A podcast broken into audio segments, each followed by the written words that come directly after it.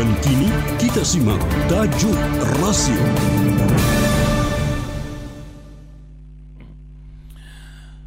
Tajuk Radio Silaturahim edisi Selasa 2 Rabiul Akhir 1445 Hijriah bertepatan dengan 17 Oktober 2023. Diberi judul Jaringan Yahudi di Indonesia. Sebuah tulisan artikel Republika 6 Agustus 2006 ditulis oleh Alwi Shihab almarhum wartawan Republika sepanjang zaman yang wafat pada 2020 lalu.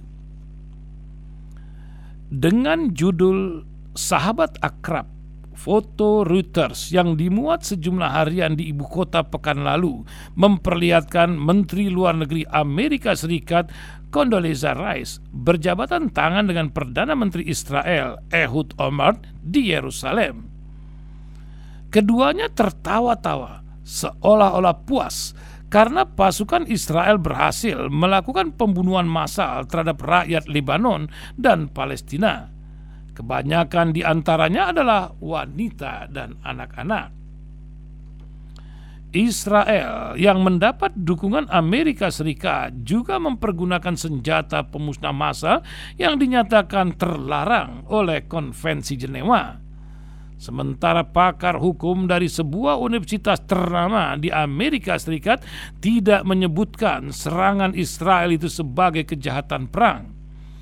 Itulah sikap negara imperialis yang mengklaim kampium hak azazi manusia.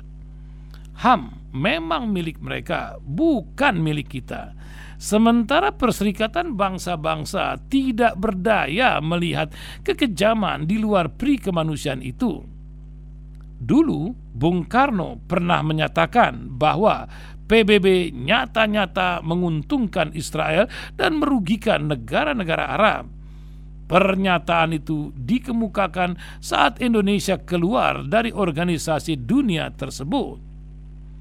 Konon, warga Yahudi sudah sejak kolonial Belanda banyak berdiam di Indonesia, khususnya di Jakarta pada abad ke-19 dan 20 serta menjelang Belanda hengkang dari Indonesia, ada sejumlah Yahudi yang membuka toko-toko di Northwick, kini di Jalan Juanda, dan Richwick atau Jalan Veteran, dua kawasan elit Batavia kala itu.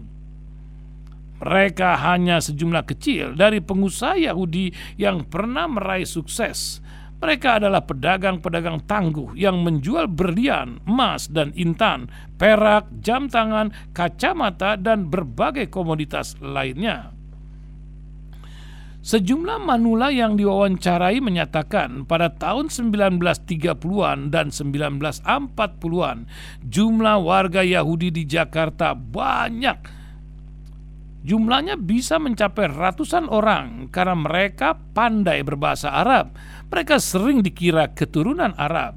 Sedangkan Abdullah Alatas mengatakan keturunan Yahudi di Indonesia kala itu banyak yang datang dari negara Arab.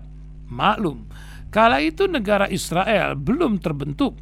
Seperti keluarga Musri dan Meyers yang datang dari Irak. Di masa kolonial, warga Yahudi ada yang mendapat posisi tinggi di pemerintahan, termasuk Gubernur Jenderal AWL Chandra van Startenborg Stockhofer di 1936 hingga 1942. Sedangkan Ali Sharti menyatakan dalam bahwa kaum Yahudi di Indonesia memiliki persatuan yang kuat setiap sabat atau hari suci umat Yahudi, mereka berkumpul bersama di Mangga Besar, yang kala itu merupakan tempat pertemuannya. Dulu, Surabaya juga merupakan kota yang menjadi basis komunitas Yahudi, lengkap dengan sinoganya yang hingga kini masih berdiri.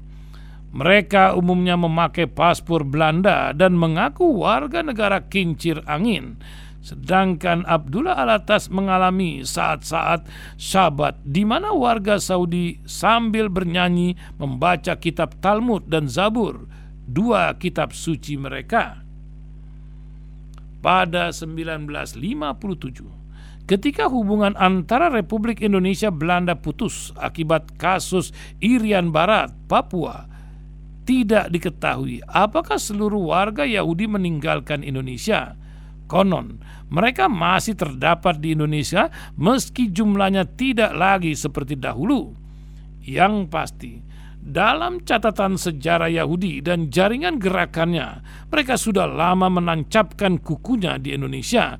Bahkan, gerakan mereka disinyalir telah mempengaruhi sebagian tokoh pendiri negeri ini.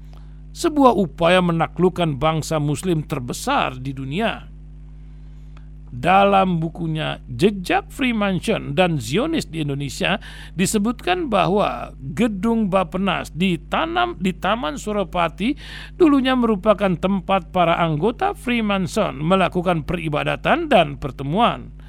Gedung Bapenas di kawasan elit Menteng dulunya bernama Gedung A Dark Star dengan logo Freemasonry di kiri kanan atas gedungnya terpampang jelas ketika itu.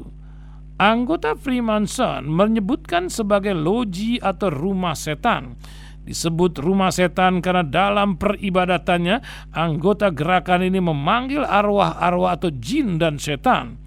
Menurut data-data yang dikumpulkan penulisnya Harry Harry Nurdi dalam buku tersebut juga disebutkan meski pada tahun 1961 dengan alasan tidak sesuai dengan kepribadian bangsa Presiden Soekarno melakukan pelarangan terhadap gerakan Freemasonry di Indonesia.